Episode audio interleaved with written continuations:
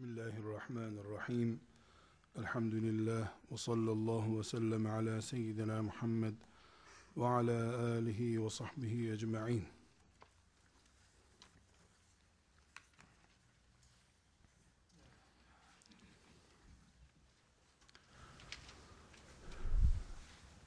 Değerli kardeşler, Allahu Teala'nın üzerimizdeki nimetlerini saymaya kalksak sayamayacağımızı söylüyor Kur'an-ı Kerim. Her birimiz insan olarak sayamayacağımız kadar büyük nimetleriyle iç içeyiz elhamdülillah.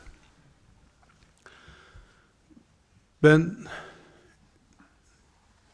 kendi üzerimdeki Allahu Teala'nın nimetlerini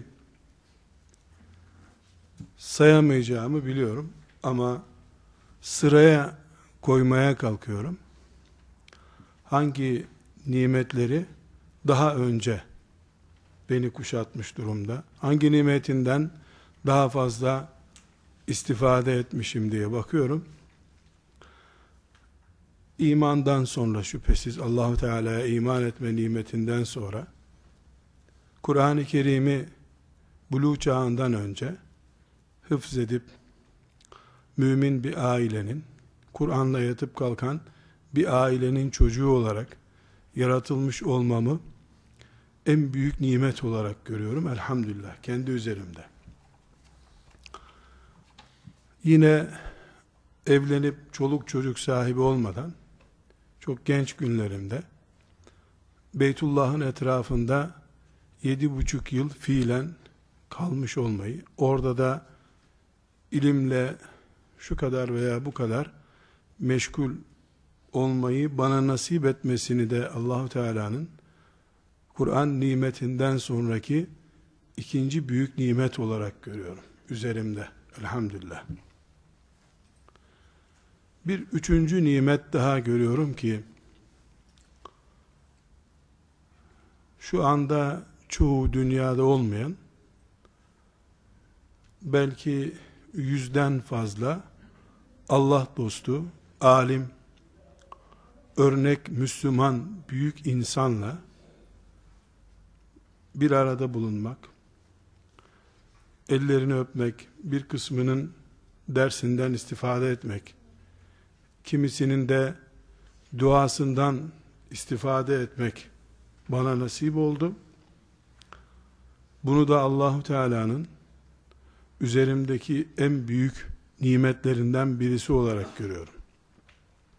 Şüphesiz Allah'ın benim üzerimde de diğer müminler üzerindeki nimetleri de sayılamayacak kadardır. Ama kendi muhasebemi yaptığımda beni Allah yarın en çok hangi nimetinden hesaba çeker?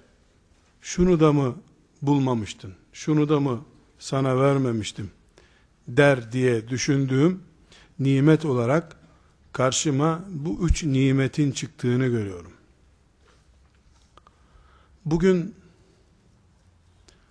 ismi üzerinde bu toplantımızı yaptığımız Şeyh Nedvi rahmetullahi aleyh bu ümmetin 20. asrındaki en büyük, en toparlayıcı, en feyizli, en bereketli insanlarından bir tanesidir. 86 yıllık hayatını Kur'an'a, İslam'a ve ümmeti Muhammed'e adamış nadir insanlardan birisidir. Biraz sonra hayatına ait ayrıntılar üzerinde inşallah göreceğiz. Ümmetin hakikaten önder denebilecek Rabbani büyüklerinden bir tanesi olarak Şeyh Nedvi'nin elini öpmüş olmayı, ondan hadis icazeti almış olmayı bugün Allahu Teala'nın huzurunda şükür kelimeleriyle ifade edilemeyecek kadar büyük bir haz görüyorum. Büyük bir nimeti görüyorum Rabbimin. Siz müminlerin huzurunda da Allahu Teala'ya bu lütfundan dolayı hamdü senalar ediyorum. Bu meclisimizden oluşacak bereketin de müsebbibi olarak Allah'ın ona yerler göklerdeki bütün mahlukatı adedince rahmet etmesini diliyorum. Görmüş olduğum belki onlarca büyük insan arasında kiminin ilmine hayran oldum. Kiminin takvasına, kiminin zühdüne hayran oldum. Kiminin nezaketi beni büyüledi. Kimisinin bilgisini hasretimle bağrıma bastım. Fakat her şeyiyle bağlayıcı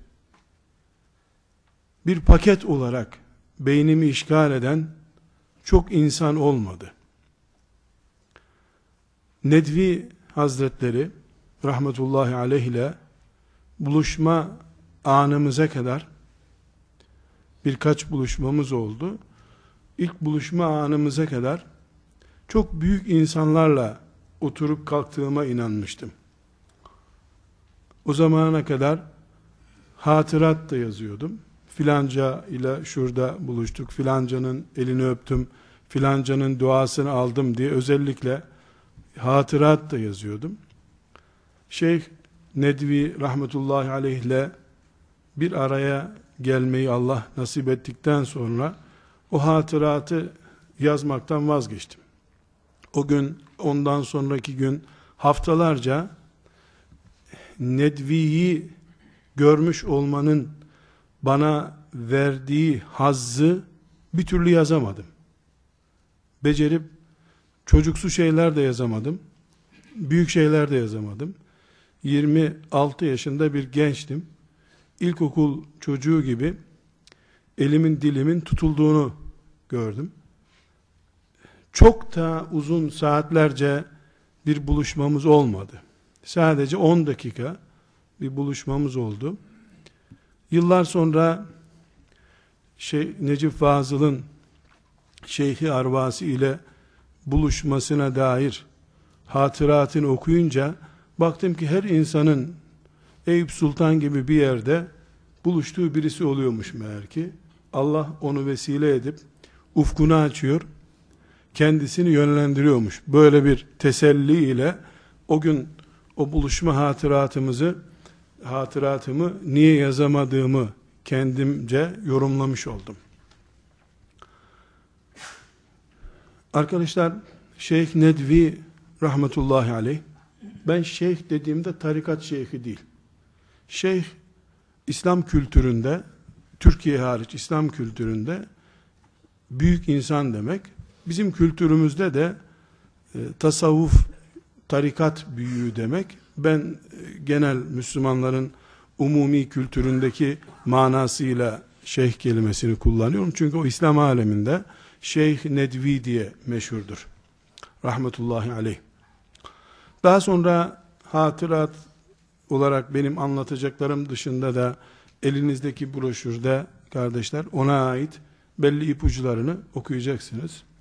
Ümmeti Muhammed'e büyük bir miras bırakıp gitmiş. Ee, bu asırda bir benzeri olmayan ender insanlardan birisidir. Allah ona bütün mahlukatı adedince rahmet eylesin. Şeyh Nedvi kardeşler aslı Hazreti Hasan radıyallahu anh'ın soyuna dayanıyor. Dolayısıyla Şeyh Nedvi yani bizim bugün zikrini yaptığımız Nedvi Efendimiz sallallahu aleyhi ve sellemin sülalesindendir. Hem ana tarafından hem baba tarafından çift kadrodan Efendimiz sallallahu aleyhi ve sellemin nesebiyle birleşen bir nesebi vardır.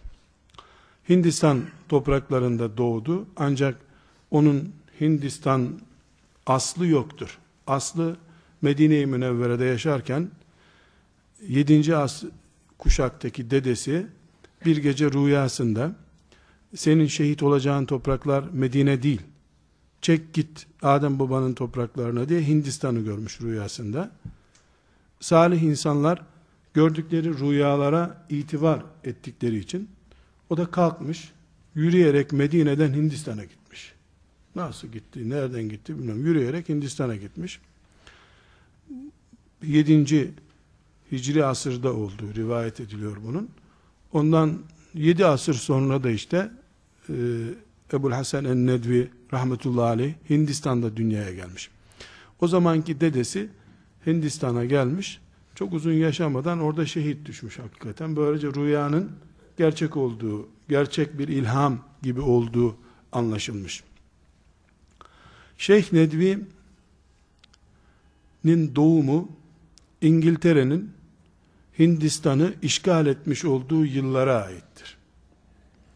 Dolayısıyla Şeyh Nedvi sömürge altındaki bir İslam toprağının çocuğudur.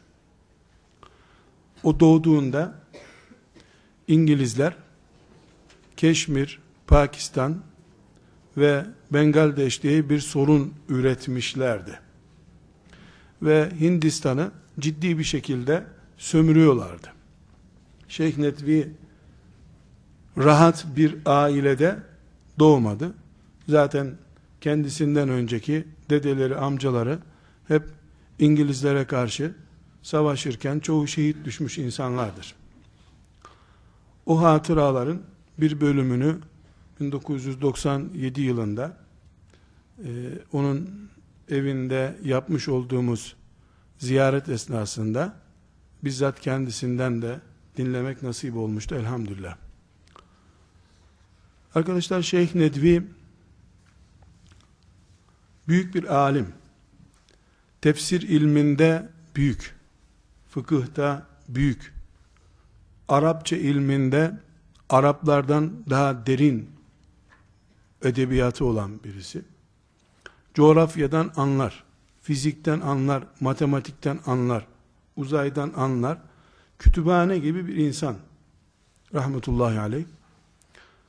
Bütün bu meziyetlerinin nereden kaynaklandığını ben çok merak etmişimdir. Onun hayatı hakkında yazılan pek çok kitabı karış, karış, karıştırdım, inceledim. Hepsinin onun hayatı ile ilgili yazı yazan alimlerin, tarihçilerin hepsinin ortak kanaati Hayrun Nisa isimli annesinden bu bereketin kaynaklandığını söylüyorlar. Annesi de hafıza bir kadın, kitaplar yazan, eli kılıç tutan, böyle erkek gibi bir kadınmış. Bunu da 12 yaşını geçtiğinde çok iyi Arapça bilen, hafız, İngilizce, Urduca, Farsça öğrenmiş bir çocuk olarak piyasaya sürmüş. Çünkü babası 9 yaşındayken vefat etmiş. Bunun eğitimini annesi üstlenmiş. Anne zaten kütüphane gibi bir kadın. Bir elinde kılıç, öbür elinde kalem. Soyu Resulullah sallallahu aleyhi ve selleme dayanıyor. Şerefli bir kadın. Geceleri ibadet eder. Gündüz de ümmeti Muhammed'e hizmet edermiş. Böyle acayip bir kadın. Doğurduğu çocuk da ümmeti Muhammed'e adanmış bir çocuk olduğu için meleklerin de yardımıyla bir asrın en büyük insanlarından birisi olan bir çocuğun annesi olarak ahirete göçmüş. Biz bugün burada şahsiyeti üzerinde konuştuğumuz Şeyh Nedvi rahmetullahi aleyhi konuşurken adını anmasak bile onu doğuran kadını ve bugün onu minnetle ve büyüğümüz olarak anmamıza vesile olan kadını bilerek veya bilmeyerek de anmış oluyoruz. Allah ona da rahmet eylesin. Çünkü o da kendi hatıratında ve onun hayatı ile ilgili yazanların hepsi bütün düğümlerin o annede çözüldüğünü söylüyorlar. Bu biz burada kuru bir tarih tekrarı için bulunmadığımıza göre bize burada çok önemli bir ders çıkıyor arkadaşlar. Demek ki yani ilk suyun kaynağı çok önemli. Suyun ilk kaynağı çok önemli. Nedvi'nin kaynağı e, sözünü ettiğimiz Hayrun Nisa rahmetullahi aleyha denen kadın becerip gayretiyle, gece duasıyla, gündüz çalışmalarıyla Allah'tan dilediğini kazanmış ve Hinduların bile ölümüne ağladığı bir çocuk doğurmuş. Hindistan'da biliyorsunuz arkadaşlar dinler ve diller mozaiği var. 700'den fazla din var Hindistan'da. İslamiyet bu dinlerden bir tanesi sadece. Hindistan 1 milyardan fazla nüfusu olan bir yer. 700 farklı dil konuşuluyor orada. Her köy bir dil neredeyse. Böyle enteresan bir yer. Orada en garip Müslümanlar bildiğiniz gibi. Kazara bir ineğe bir bisiklet çarpsa onun için 10-20 tane köy yakıyorlar.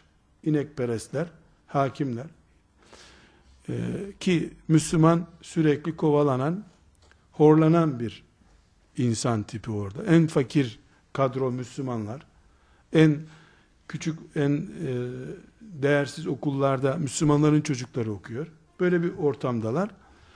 E, ama Şeyh Nedvi oradaki Müslümanların büyüklerinden birisi olduğu halde yani Müslümanlığı temsil eden bir şahsiyet olduğu halde e, cenazesinde Müslümanlar gözyaşı akıttığı gibi Hindistan'ın Hindu liderleri, Hindus liderleri bile gözyaşı akıttılar.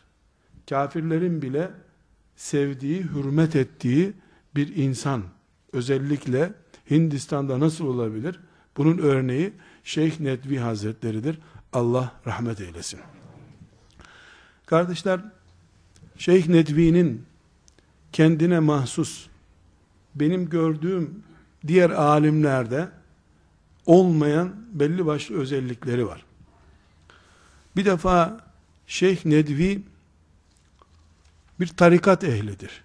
Tarikatçıdır. Bizim argo deyimimizde. Nakşi tarikatine mensuptur. Ve İmam Rabbani Hazretleri Nakşi tarikatının tasavvuftan anlayanlar ya da tasavvufu az çok bağ olanlar bilirler. Ee, Nakşi tarikatında Ahmet Faruk Serhendi asas adı olan İmam Rabbani Nakşiliğin iki bine taşınan büyüğüdür. Tarikatta ulu orta bir isim değildir. Yazdığı kitaplardan bir tanesi Ahmet Faruk Serhendi rahmetullahi aleyhtir. Yani İmam Rabbani Hazretleri ile ilgili 300 300 sayfadan fazla bir kitap yazmıştır. O kitabı ben bir 20-25 sene önce tercüme etmiştim. Orada İmam Rabbani'den söze başlarken bir tarikat şeyhi olarak değil, gündüz bile gözlerimin önünde gördüğüm bir adam diye bahsediyor. Böyle rüyasında falan görmekten değil. Gündüz yürürken bile ağaçları dahi İmam Rabbani zannediyormuş. Öyle seviyor, öyle hayran. E, İmam Rabbani ile ilgili bir kitap yazıyor. Kitabın başında ona hayranlığını, ona aşık olduğunu söylüyor. Tarikatına bağlı olmaktan zevk aldığını söylüyor. Bu ne demek? Mesela selefi anlayışlı bir Müslümanın gözünde beş para etmez hoca demek.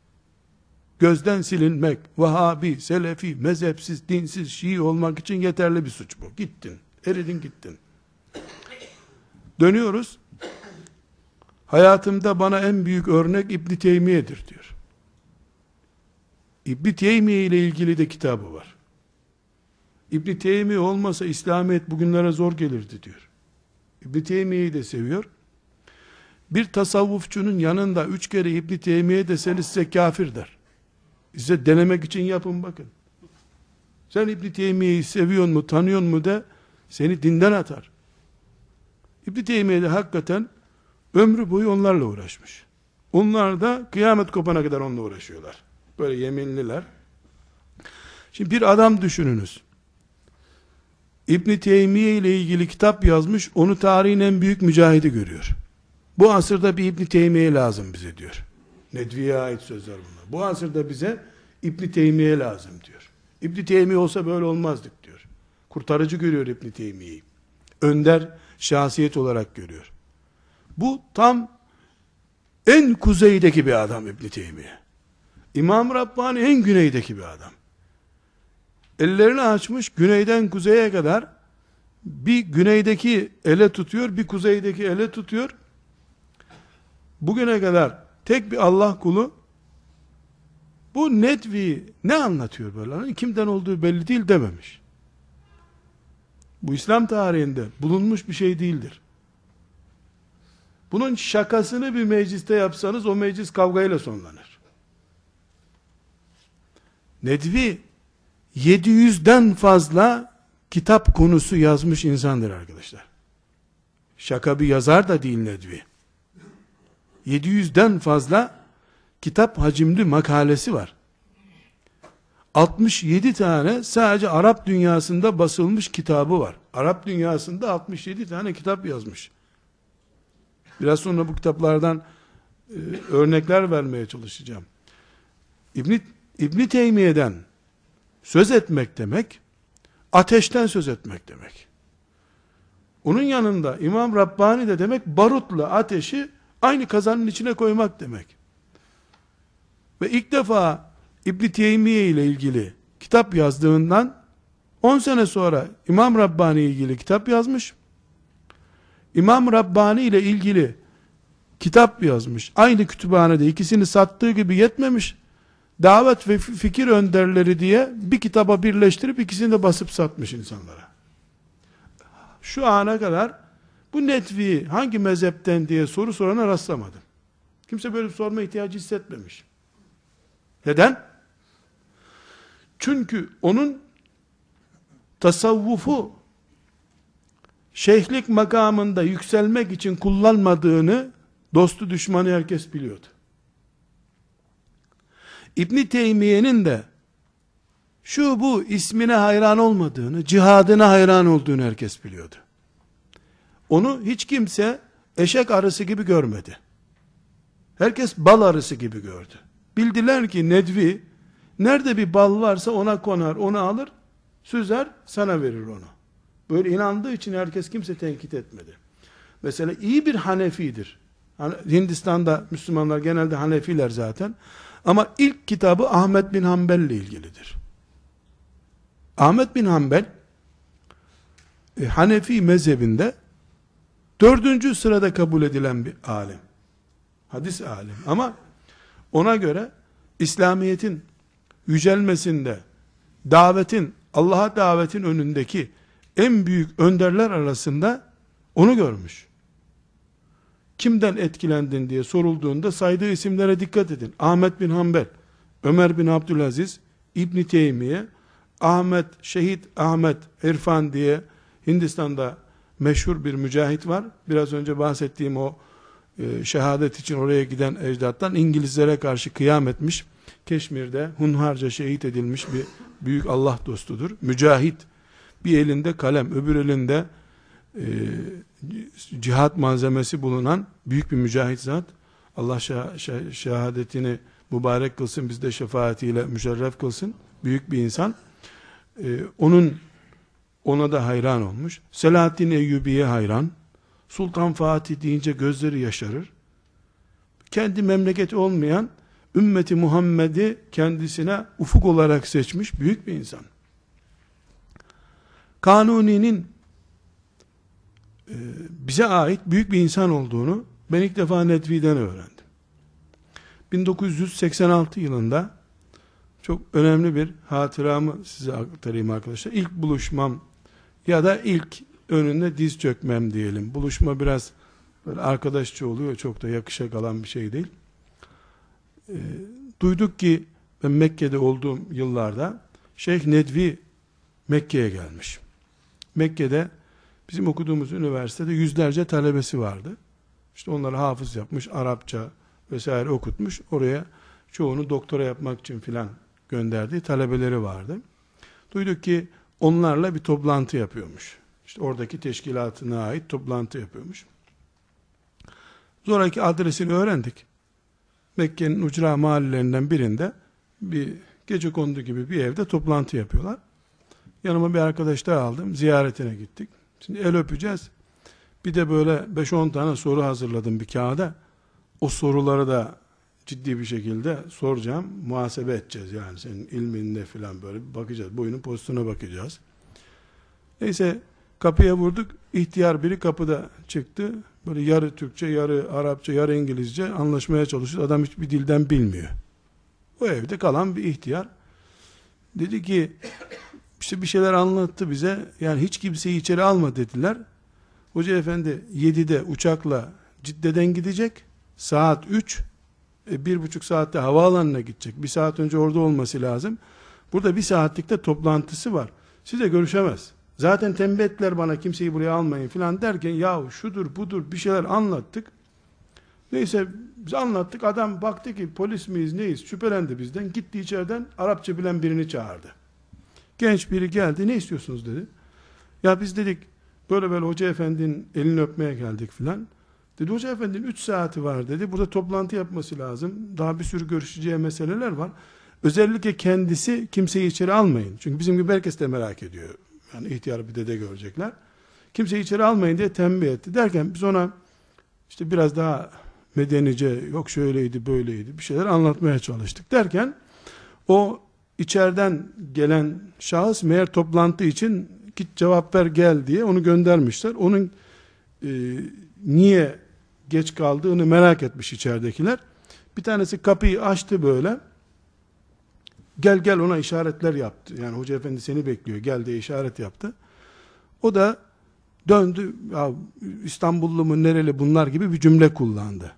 Hoca efendi İstanbul kelimesini duyunca kafasını eğdi. Biz kapıdan görüyoruz. Şimdi kafasını eğdi. işaret etti. Gel o da tamam bak sizi kabul etmiyor beni çağırıyor der gibi içeri gidiyordu. Hoca efendi elini çırptı. Onları da getir gibi işaret yaptı. Arapça olmayan bir dilden konuştu. Biz içeri girdik.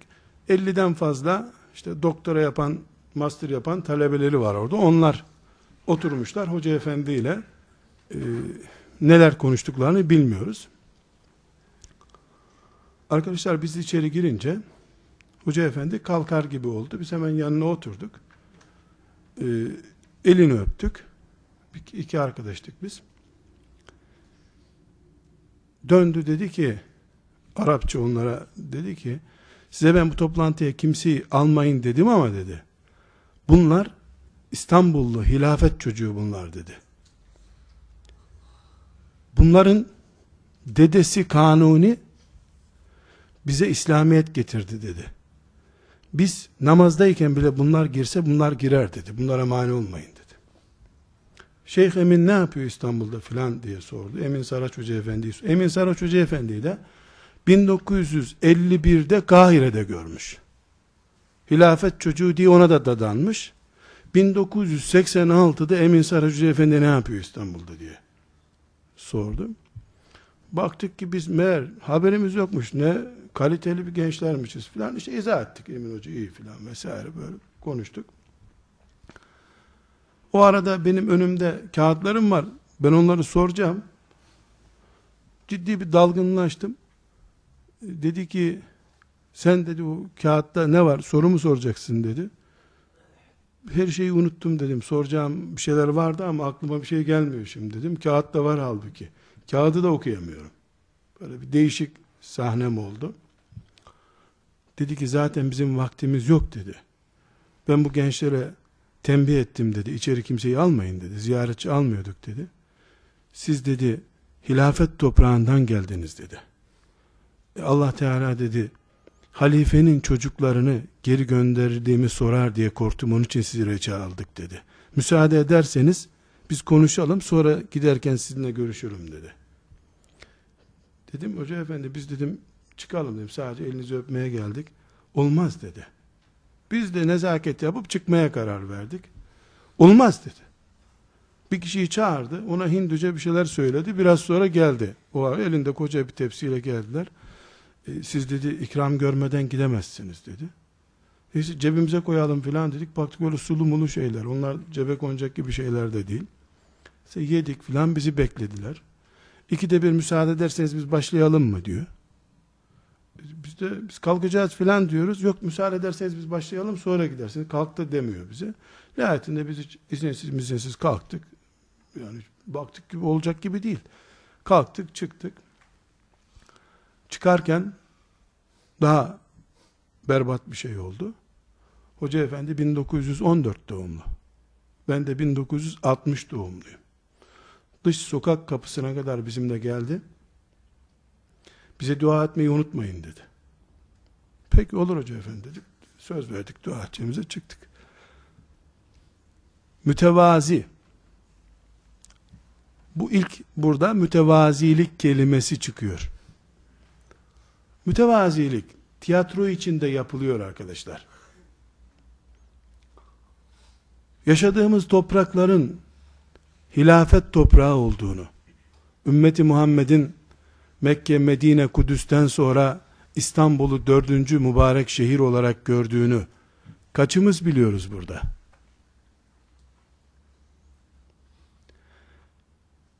Bir hatıratında diyor ki, keşke diyor bu yaşıma kadar ölseydim de İstanbul'da çıplak kadının dolaştığını görmeseydim diyor.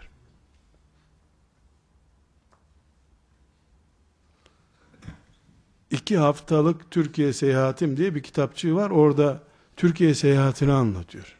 İstanbul'da gördüğü şeyleri anlatıyor.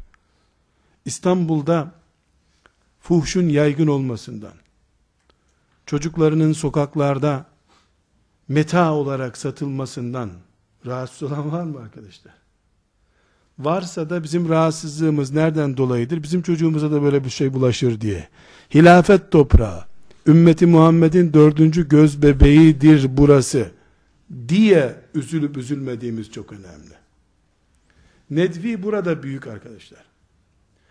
Meğer ki sonra ben başka hoca efendilerden sordum. Olay şuymuş. Kanuni döneminde bunların çok hoca ihtiyacı olmuş. Bunlar da rica minnet İstanbul'dan bize biraz alim gönderin demişler. Kanuni'nin talimatı ile 5-6 alim gitmiş Hindistan'a. Bu onu bir iyilik olarak biliyor.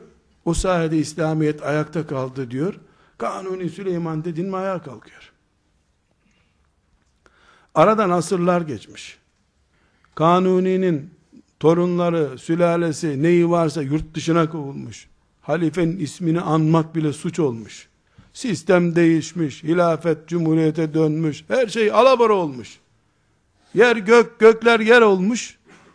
Ben unuttum bu topraklarda daha önce böyle bir sistem olup olmadığını.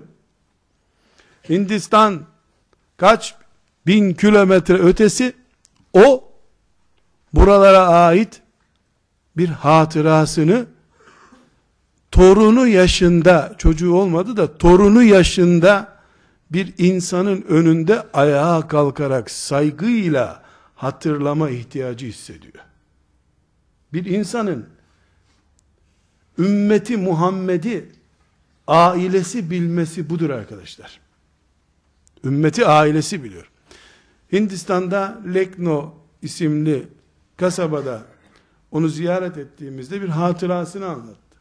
Dedi ki Anadolu'da hilafet tehlikeye girdi diye haber gelince Hindistan'a dedi. Benim dedelerim, amcalarım, bütün sülalem çok iyi hatırlıyorum dedi. Bütün e, Hindistan'ın köylerinde kadınların küpelerini, ne kadar zinetlerini varsa hepsini topladılar dedi. Onları çuvallara koydular dedi. Herkes sırtına bir çuval aldı. Yürüyerek İstanbul'a halifeye yardım etmeye gitmeye karar aldılar dedi. Kendi hatırasını anlatıyor. 1997'de bu hatırası. 99'un sonunda da, da vefat etti zaten rahmetullahi aleyh. O zaman Hindistan sınırını çıkmadan bu yardımı toplayıp götürenlerin çoğunu İngilizler öldürdü zaten dedi. Geri kalanlar da dedi işte biraz şu bu yolla İstanbul'a kadar gönderilsin diye uğraştık ama ne kadar gitti bilmiyorum dedi. Sonra dedi ki bakın dedi bugün İstanbul'dan öyle bir talep gene gelse dedi en başta ben Allah'ın izniyle yürüyerek İstanbul'a gene giderim dedi. Bu sözü bizzat kulağımla kendim dinledim. Basit bir kamerayla da bu sözleri kaydettim o zaman. Bunu söylerken riyakar olmadığını, yüreğinden söylediğini onun dudaklarından anlıyorsunuz zaten. Riya yapacağı bir şey yok. Şöhretse şöhret. E, meşhurluksa meşhurluk yani bunun benim gibi e, işte torunu yaşında bir insana e, herhangi bir nasihat veya herhangi bir ihtiyacı olan birisi değil. Allah rahmet eylesin. Ümmeti Muhammed arkadaşlar çok ilmi olan yüzlerce insan yetiştirdi. Ama ilminin dudaklarında, gözlerinde, kulaklarında, ellerinde, tebessümünde hissedildiği insan çok yetiştiremedi bu asırda. Nedvi rahmetullahi aleyh bu farkı göstermiş birisidir.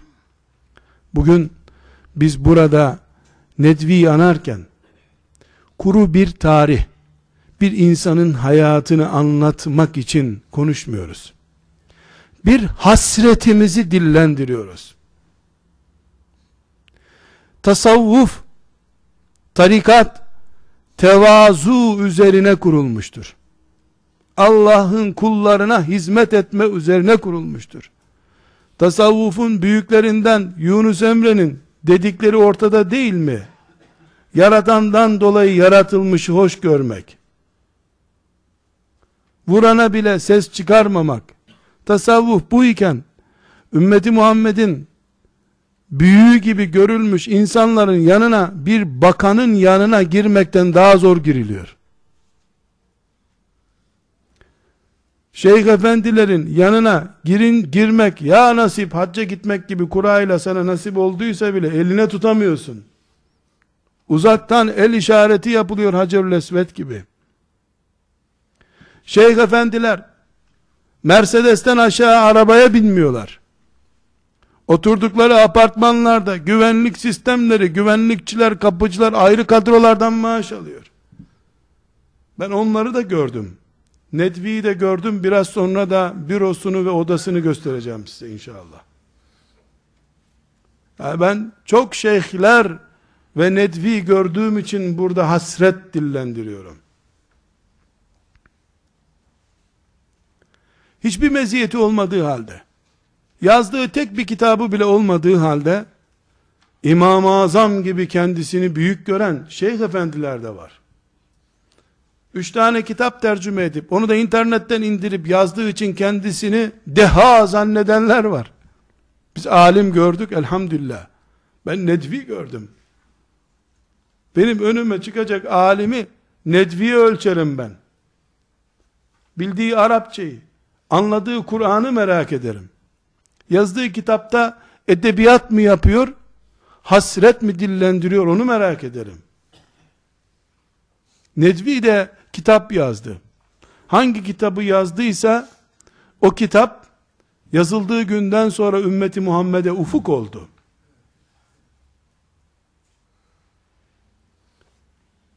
Her halükarda kardeşler Şeyh Nedvi rahmetullahi aleyh bugün hasretini çektiğimiz bir liderdir. Bir önderdir. Biz böyle önder yetiştirelim, böyle büyüklerimiz olsun filan gibi kuru laflar da yapmak istemiyorum. Yetişse kıymetini nereden bileceğiz ki? Yetişse ne yapacağız ki? Gene kravat takmasa alim demeyeceğiz ona. Gene bayramda geçiyorduk sana bir uğradık hocam. İlmin çok meşhurmuş duyduk. Bir uğradık sana diyeceğiz gene. Gene onu bir siyasinin yanında ikinci sınıf göreceğiz. Zaten kıymetini bilsek allah Teala onu bize yüz kere lütfederdi. Eğer Allah bir nimeti bir grup kuluna lütfetmiyorsa o nimete onları uygun görmediği içindir. Hangi nimet kıymeti bilinmiyorsa Allah onu çekip alıyor kulları arasından. Kardeşler biz burada Nedvi'yi konuşurken aslında kendimizi konuşuyoruz. Bir hafta onun misafiri olarak Hindistan'da kaldım. Sorduğu bazı sorulardan utandım sonunda. Lütfü Doğan Hoca'nın sağlığı nasıl diyor. Lütfü Doğan Hoca'yı en son 4 sene önce görmüştüm o zaman ben.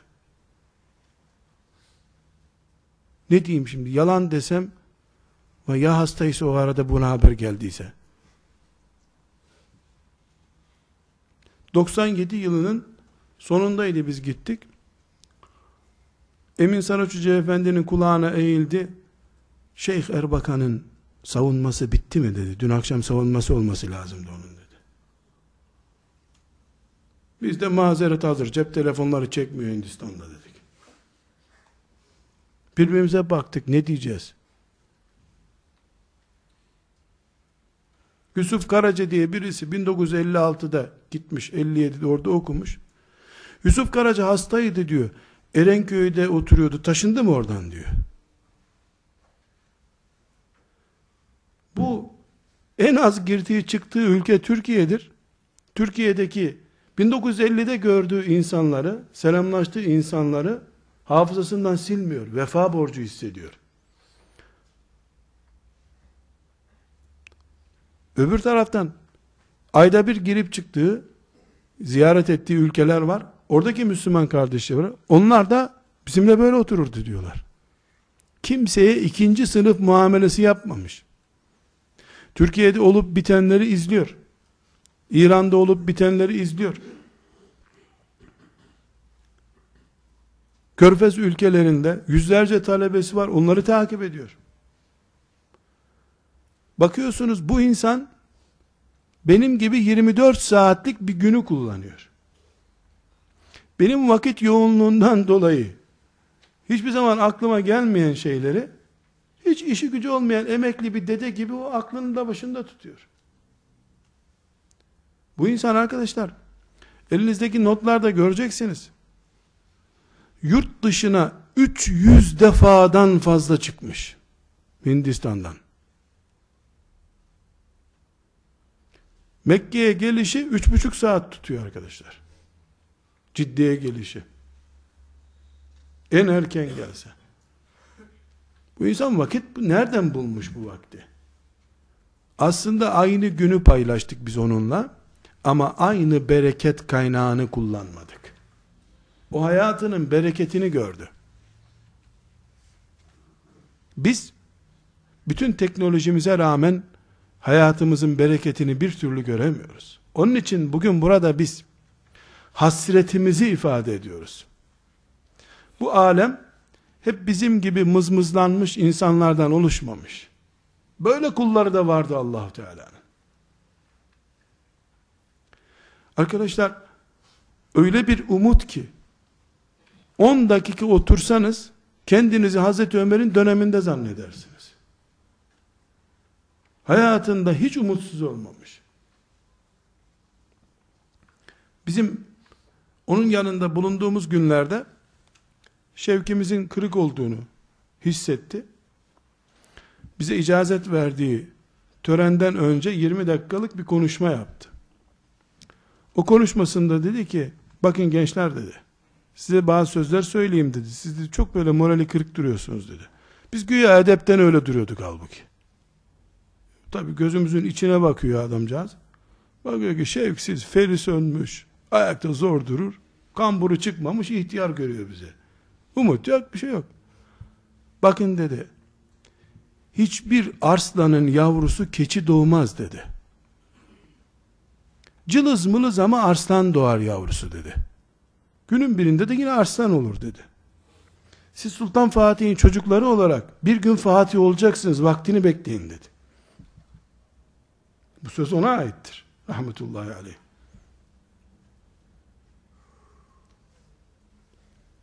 Sonra dedi ki eğer dedi Türklerden başkasını Allah İslamiyet için uygun görseydi siyasette Emevilere yaptığı gibi yapardı dedi.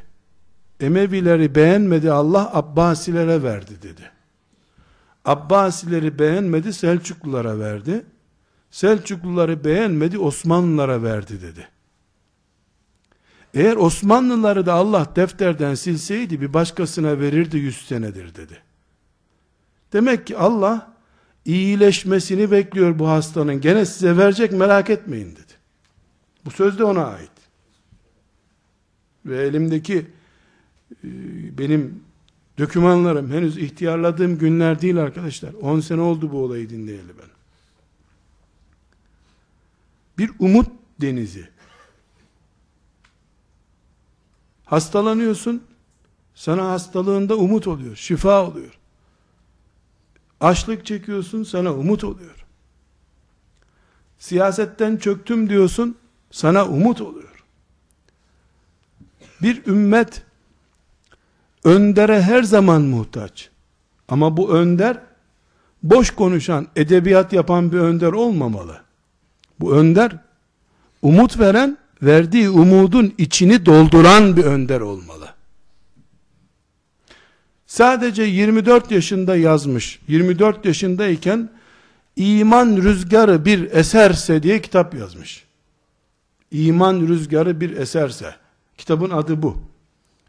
O kitapta bu ben anlattığım duygulara benzer şeyleri anlatıyor. 24 yaşındaki düşüncesi adamın ne biliyor musunuz? Bu rüzgarın esmediğine aldanmayın diyor. Günün birinde hiç rüzgar esmeyecekse kıyamet kopmuş demektir diyor. Kıyamet kopmadıysa rüzgar esecek ve o zaman rüzgarla gelip giden her şey gelip gidecek merak etmeyin diyor. İngilizler o gün Hindistan'daydılar bu cümleyi yazdığında. Kitap olarak bastığında. Allah kendisine rahmet eylesin. Şeyh Nedvi arkadaşlar bizde maalesef emsali hemen hemen bulunmayacak kadar çok kapsamlı bir insan.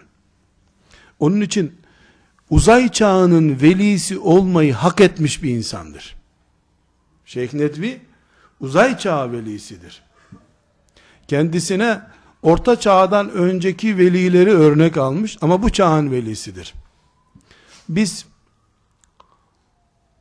bizzat kaldığı odaya kadar yattığı yatak odasına kadar kabul edildik misafir olarak. Kapıda ona hizmet eden genç dedi ki, hoca efendi dedi, kimseyle fotoğraf çektirmez, fotoğrafa karşı e, haramdır diye fetva veriyor, hele bu kamerayı sokmayın odaya dedi. Öbürü de dedi ki, bunlar Türk bunlara müsaade eder dedi. Şimdiki kişi konuşuyorlar. Şimdi bizde, yani madem böyle bir kural var, e, bir şey demeyelim dedik. Ondan sonraki yardımcısı Şeyh Muhammed diye birisi geldi. Bunlara karışmayın dedi. Ev sahibi gibi girdik içeri. Yatak odasını, abdestliklerini falan her tarafını filme aldık.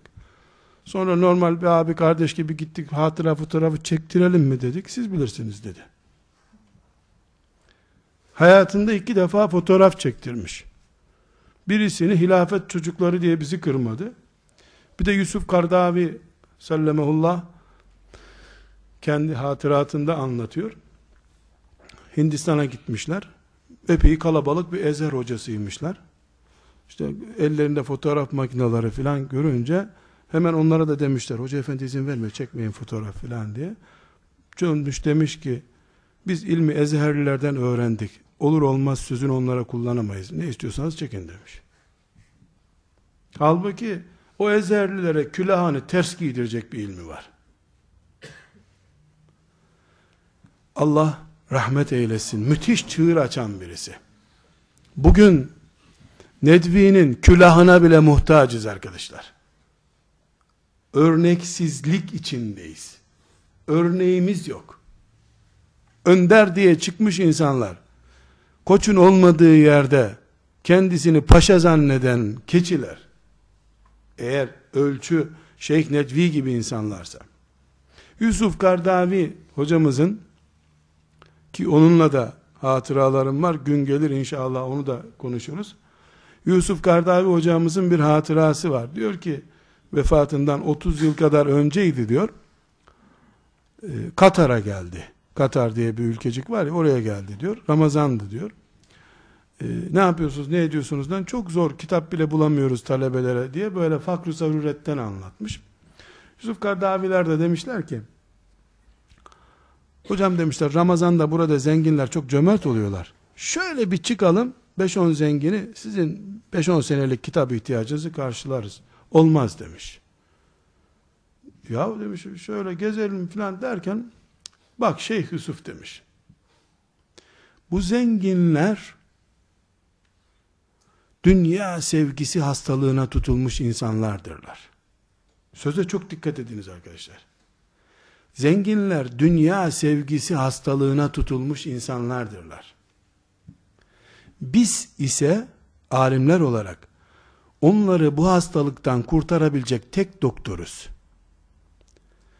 Doktor hastasını avuç açtıktan sonra hastayı iyi edemez demiş. Biz fakirliğimizden razıyız, boş ver demiş. Kardavi de demiş ki Karadavi sallamullah Hoca efendi demiş sen boş ver demiş ya biz gider anlatırız demiş. Biz alırız sen sen gelme bizimle demiş. Yahu demiş. Zenginin önüne el açtıktan sonra benim adım olsa ne olur, senin adına ne olsa olur. O adamın dünya sevgisini azdıracaksın demiş. Gitmeyin şunların kapısına demiş. Arkadaşlar, hayatında tek bir zenginin evine gittiğini gören olmamış. Ben geldiği toplantıları 86'dan sonra bir sürü toplantıları gördüm. Mesela burada Fatih'teki Ber Otel'de toplantıya davetliydi. Toplantıya geldi. Otelin işte lüks odalarından biri kendisine ayrılmış. Her yerdeki gibi sordu. Hangi kardeşin evine gideceğiz bu akşam dedi. Hayatında otelde kalmamış hiç. Otelde toplantı yapılıyor. İşte koca bir salonda. İşte rabıta toplantısı, fıkıh konseyi, bir sürü İslam namına uluslararası ne kurulmuşsa hepsinin kurucu üyesi. Hindistanlı adam İslam Edebiyatı kurucusu. İslam Edebiyatı Birliği diye bir birlik var. Onun kurucu başkanı. Arapça üzerine ama çalışıyor. Gittiği ülkelerde muhakkak zaten talebesi var ya da Hindistanlı bir Müslüman var. Akşama kadar toplantı yapıyor. Ona telefon ediyor daha önceden ben geliyorum. Buradaki bütün Müslümanları topla diyor. O akşam sabaha kadar da orada o toplantıyı yapıyorlar. Gece 2'de 3'te millet dağılıyor. Bu seccadesinin başına geçiyor. Acayip bir Allah dostu bir insan.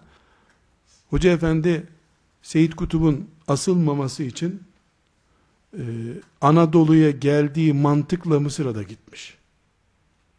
Böyle birisi. Mısır'a ilk gittiğinde havaalanından bunu almışlar. Oturmuşlar. İşte hoca efendi çay kahve içer misiniz? Hasan el-Benna'nın mezarını sormuş ilk defa. Bana onu iyi tanıyan birisini gösterin demiş. Saatlerce onun hatıralarını dinlemiş. Ondan sonra kalacağı evi filan gitmiş bulmuşlar, oturmuşlar. Böyle hayranı ve onları sevdiği halde Seyit Kutub'un aşırı gördüğü bazı görüşleri için müthiş tenkitler yazmış.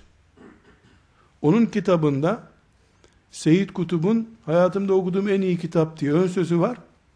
O Seyit Kutub'a ümmeti Muhammed'i böyle aşırılıklara sürükleyemezsin diye cevap yazıyor. Şeyh Mevdudi rahmetullahi aleyh onun iyi arkadaşlarından.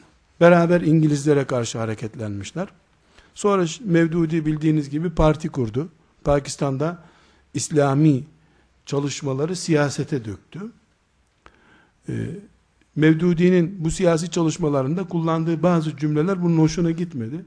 Çocukluk ve dava arkadaşı olduğu halde ver yansın etti Mevdudi'ye. Hiç merhamet yok. Dengeli. Dininin önünde kendisi de yok. Bırak sen arkadaşlarını, dostlarını. Ama bugüne kadar hiçbir Mevdudi hayranının, Seyyid Kutup hayranının Nedvi'yi ayıpladığını rastlamadım.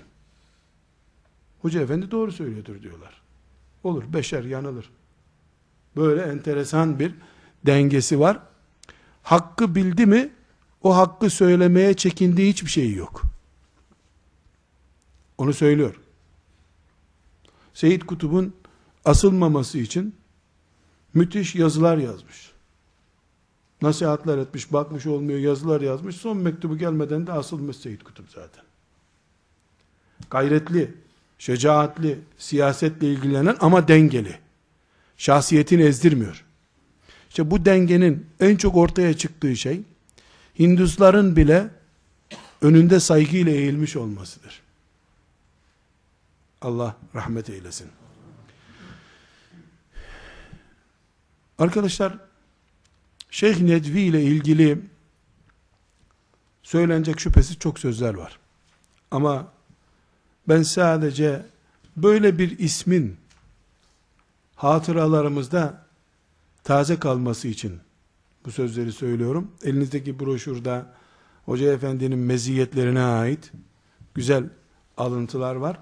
İnşallah onları okuyacağız ve istifade etmeye çalışacağız. Bir de bu sözlerimin temel kaynağı olan Hoca Efendi'nin ilk kitabı, Arapça yazdığı ve Arap dünyasında bastırdığı ilk kitabı olan e, bu sözünü ettiğimiz Müslümanların gerilemesiyle dünya neler kaybetti kitabını inişte arkadaşlar size hediye edecekler. Allah sizi de beni de affetsin. İşte ara sıra böyle kitap dağıtıyoruz. Siz gene hakkınızı helal edin. Yani bir sürü haber kaçırmanıza neden olacak televizyonda. Ama arkadaşlar kitabın başlığı bir defa dehşet. Müslümanların kaybetmesinden söz etmiyor. Müslümanlar gerileyince dünya kaybetti diyor. Müslümanların hakim oldu, olmadığı bir dünya kan dünyasıdır diyor. Ve orada Osmanlı nasıl yükseldi, nasıl çöktü, onu Kadir Mısıroğlu'ndan daha iyi anlatıyor. Ve bu adam Türkçe bilmiyordu bu kitabı yazdığı zaman. Gene ölünce de bilmiyordu. Bu kitabı arkadaşlar e, yani okuyun desem demesem çoğul zamiri kullanma Hasan. Okuyalım deme. Ben çıkarım tek kalırsın burada bak ona göre. Arkadaşlar herkes sevdiğiyle beraber olacak açısından Hoca Efendi'nin bu kitabını okuyunuz. Bir iki ayda insan fasıl fasıl okuyabilir. İnsanlık Peygamber aleyhisselam efendimizden nasıl bir hayatla bugünlere geldi? Bundan sonra nere doğru gidiyor? İslam'dan başka hiçbir sistemin nasıl insanlığa huzur kazandıramayacağını ispat eden bir kitap. Bu kitabı okuyunca inşallah bana hayır dua edeceğinizi umuyorum. Hoca Efendi ile de e, Şeyh Efendi ile de kıyamet günü beraber olmaya Allah onu vesile kılar diye hayır dua ederiz. Her halükarda kardeşler biz Hoca Efendi'yi şunun için konuştuk. Bir, ümmetin bağrında toprakta da olsa yetişmiş büyük insanlar var arkadaşlar. Kafirleri bile hayran bırakmış insanlarımız var bizim. Bunu görmüş olduk. İki, model gördük. Model görüyoruz. Hoca efendi bir model. Paraya tenezzül etmemiş bir model. Alime yakışmaz diye insanların sofrasına oturmamış bir model. Kimseyi kırmamış, hakkı en gürsesiyle haykırmış bir model. Alim nasıl olur? Hoca efendi de bunu görüyoruz. Biz iyi modelleri, kaliteli insanları bilmezsek arkadaşlar, defolusuna hayran oluruz bu sefer. Gerçeğini bilmediğin şeyin ambalajlısına aldanırsın.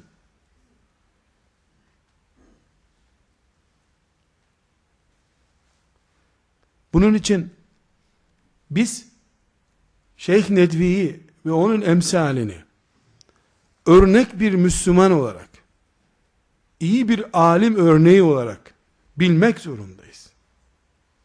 Bu bizim ümmetimizin bağrından çıkmış büyük bir insan. Allah ona rahmet eylesin. Bizi de onu da Habibi ile beraber buluştursun.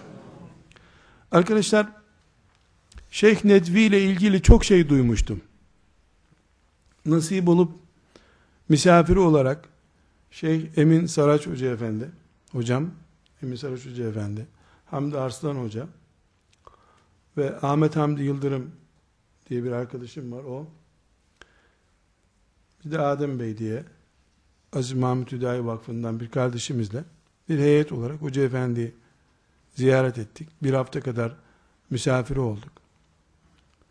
Onun bize ilgisi karşısında sadece kendimizden utandık. Diyecek bir söz bulamadık. Güya Türkler misafirperver filan böyle edebiyatlar yapardık. Ben o edebiyatlara tövbe ettim bir daha. Servet içinde e, adam otel tutmuşun gelmiş otelde kalmış. Bunun misafirperverlikle ne alakası var? Turizmcilik, otelcilik bu. O kıtlık yokluk içerisinde, açlık içerisinde bizi nasıl ağırladıklarını gördük. Orada bir hafta insanlık ve medeniyet dersi gördük. Sonra icazet törenimiz yapıldı. O icazet töreninden önce Hoca Efendi'nin medeniyet kurduğu odanın görüntülerini aldım arkadaşlar. Bu görüntüleri sizlerle paylaşmak istiyorum. Bir medeniyeti temsil eden ve önünde devlet adamlarının bile Hindistan Başbakanı iki gün önceden randevu alarak huzuruna çıkıyordu bu adam. Hindus bir tip olduğu halde. Bu insanın arkadaşlar sadece kaş göz işareti yapsa odası altınla kaplanacak bir insanken eline geçen her şeyi talebelerine veren kendisi de biraz sonra göreceğiniz odada kalan bir insan arkadaşlar. Bu görüntüyü bırakabilirsin Ahmet Hoca Efendi'nin 1997 yılının Kasım ayında çekilmiş görüntüsü bu. Bu bundan iki sene sonra tam iki sene bir ay sonra Hoca Efendi vefat etti. Rahmetullahi aleyh. Ve vefatını göreceksiniz arkadaşlar. Bizzat talebesinden dinledim. 12 yaşından itibaren Kehf suresini okumadan cuma namazı kılmamış hayatında. 20 yaşından itibaren de Ramazan'ın son 10 gününü hep itikafla geçirmiş. 1990 yılının 31 aralığında Cuma günü saat 10'da abdest almış. Kehf suresini okurken 3. sayfada vefat etmiş.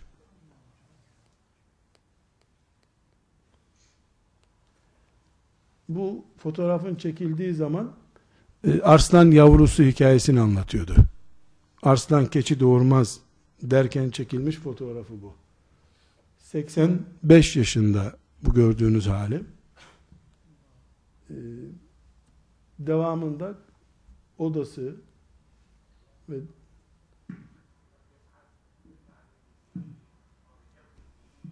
bu 20 dakika bize yazdığı icazetten önce yaptığı e, hadis öğrenmenin önemiyle ilgili bir konuşması.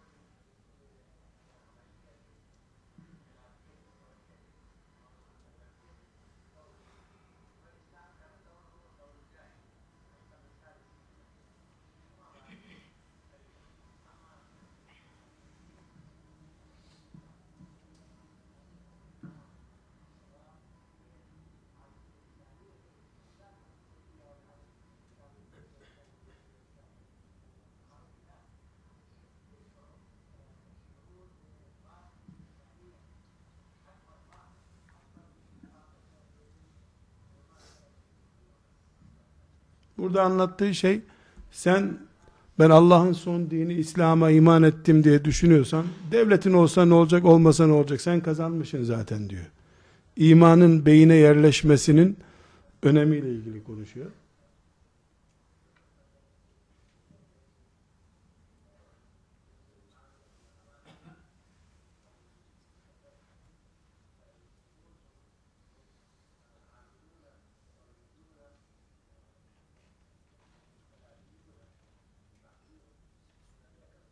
Arkadaşlar bu konuştuğu oda gece kondunun böyle giriş salonu gibi bir yer.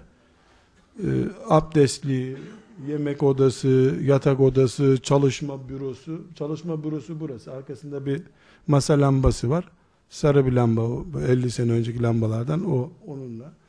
E, bu çalışma masasında şu anda bu 700 adet kitap başlığını doldurduğu yer burası.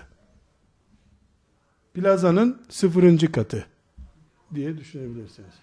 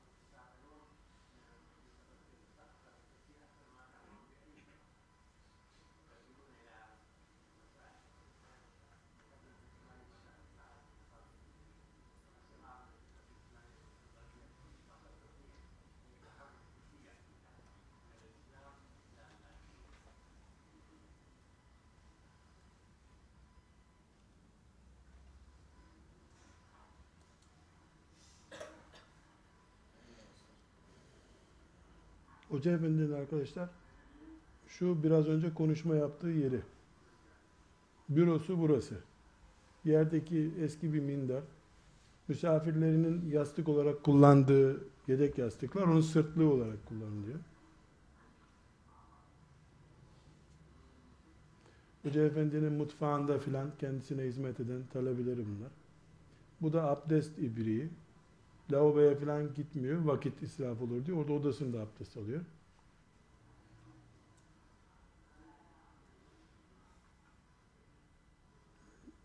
Biraz önceki büronun üst katları. O kitapların asılları onlar arkadaşlar. Birkaç ay sonra kitap olarak çıkacak o gördüğünüz dosyalar. Bu Hoca Efendi'nin yatak odası. Mobilyalar işte yeni gelecekti. O zaman bekliyor. 80 sene o yatakta yatmış arkadaşlar. Sonra hanımı vefat edince talebelerini açmış o odayı.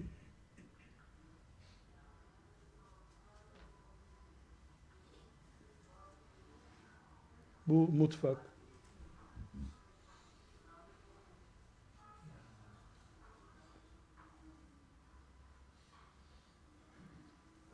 Müze filan değil. Eski eşya müzesi değil. Mutfak.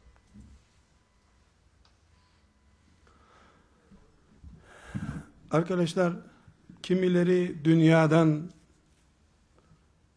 ne kadar bu demir parçası, cam parçası bulduysa alıp götürdüler. Kimileri de Allah'ın rızasını aldı gittiler. Hoca Efendi rahmetullahi aleyh Nedvi müthiş bir örnek.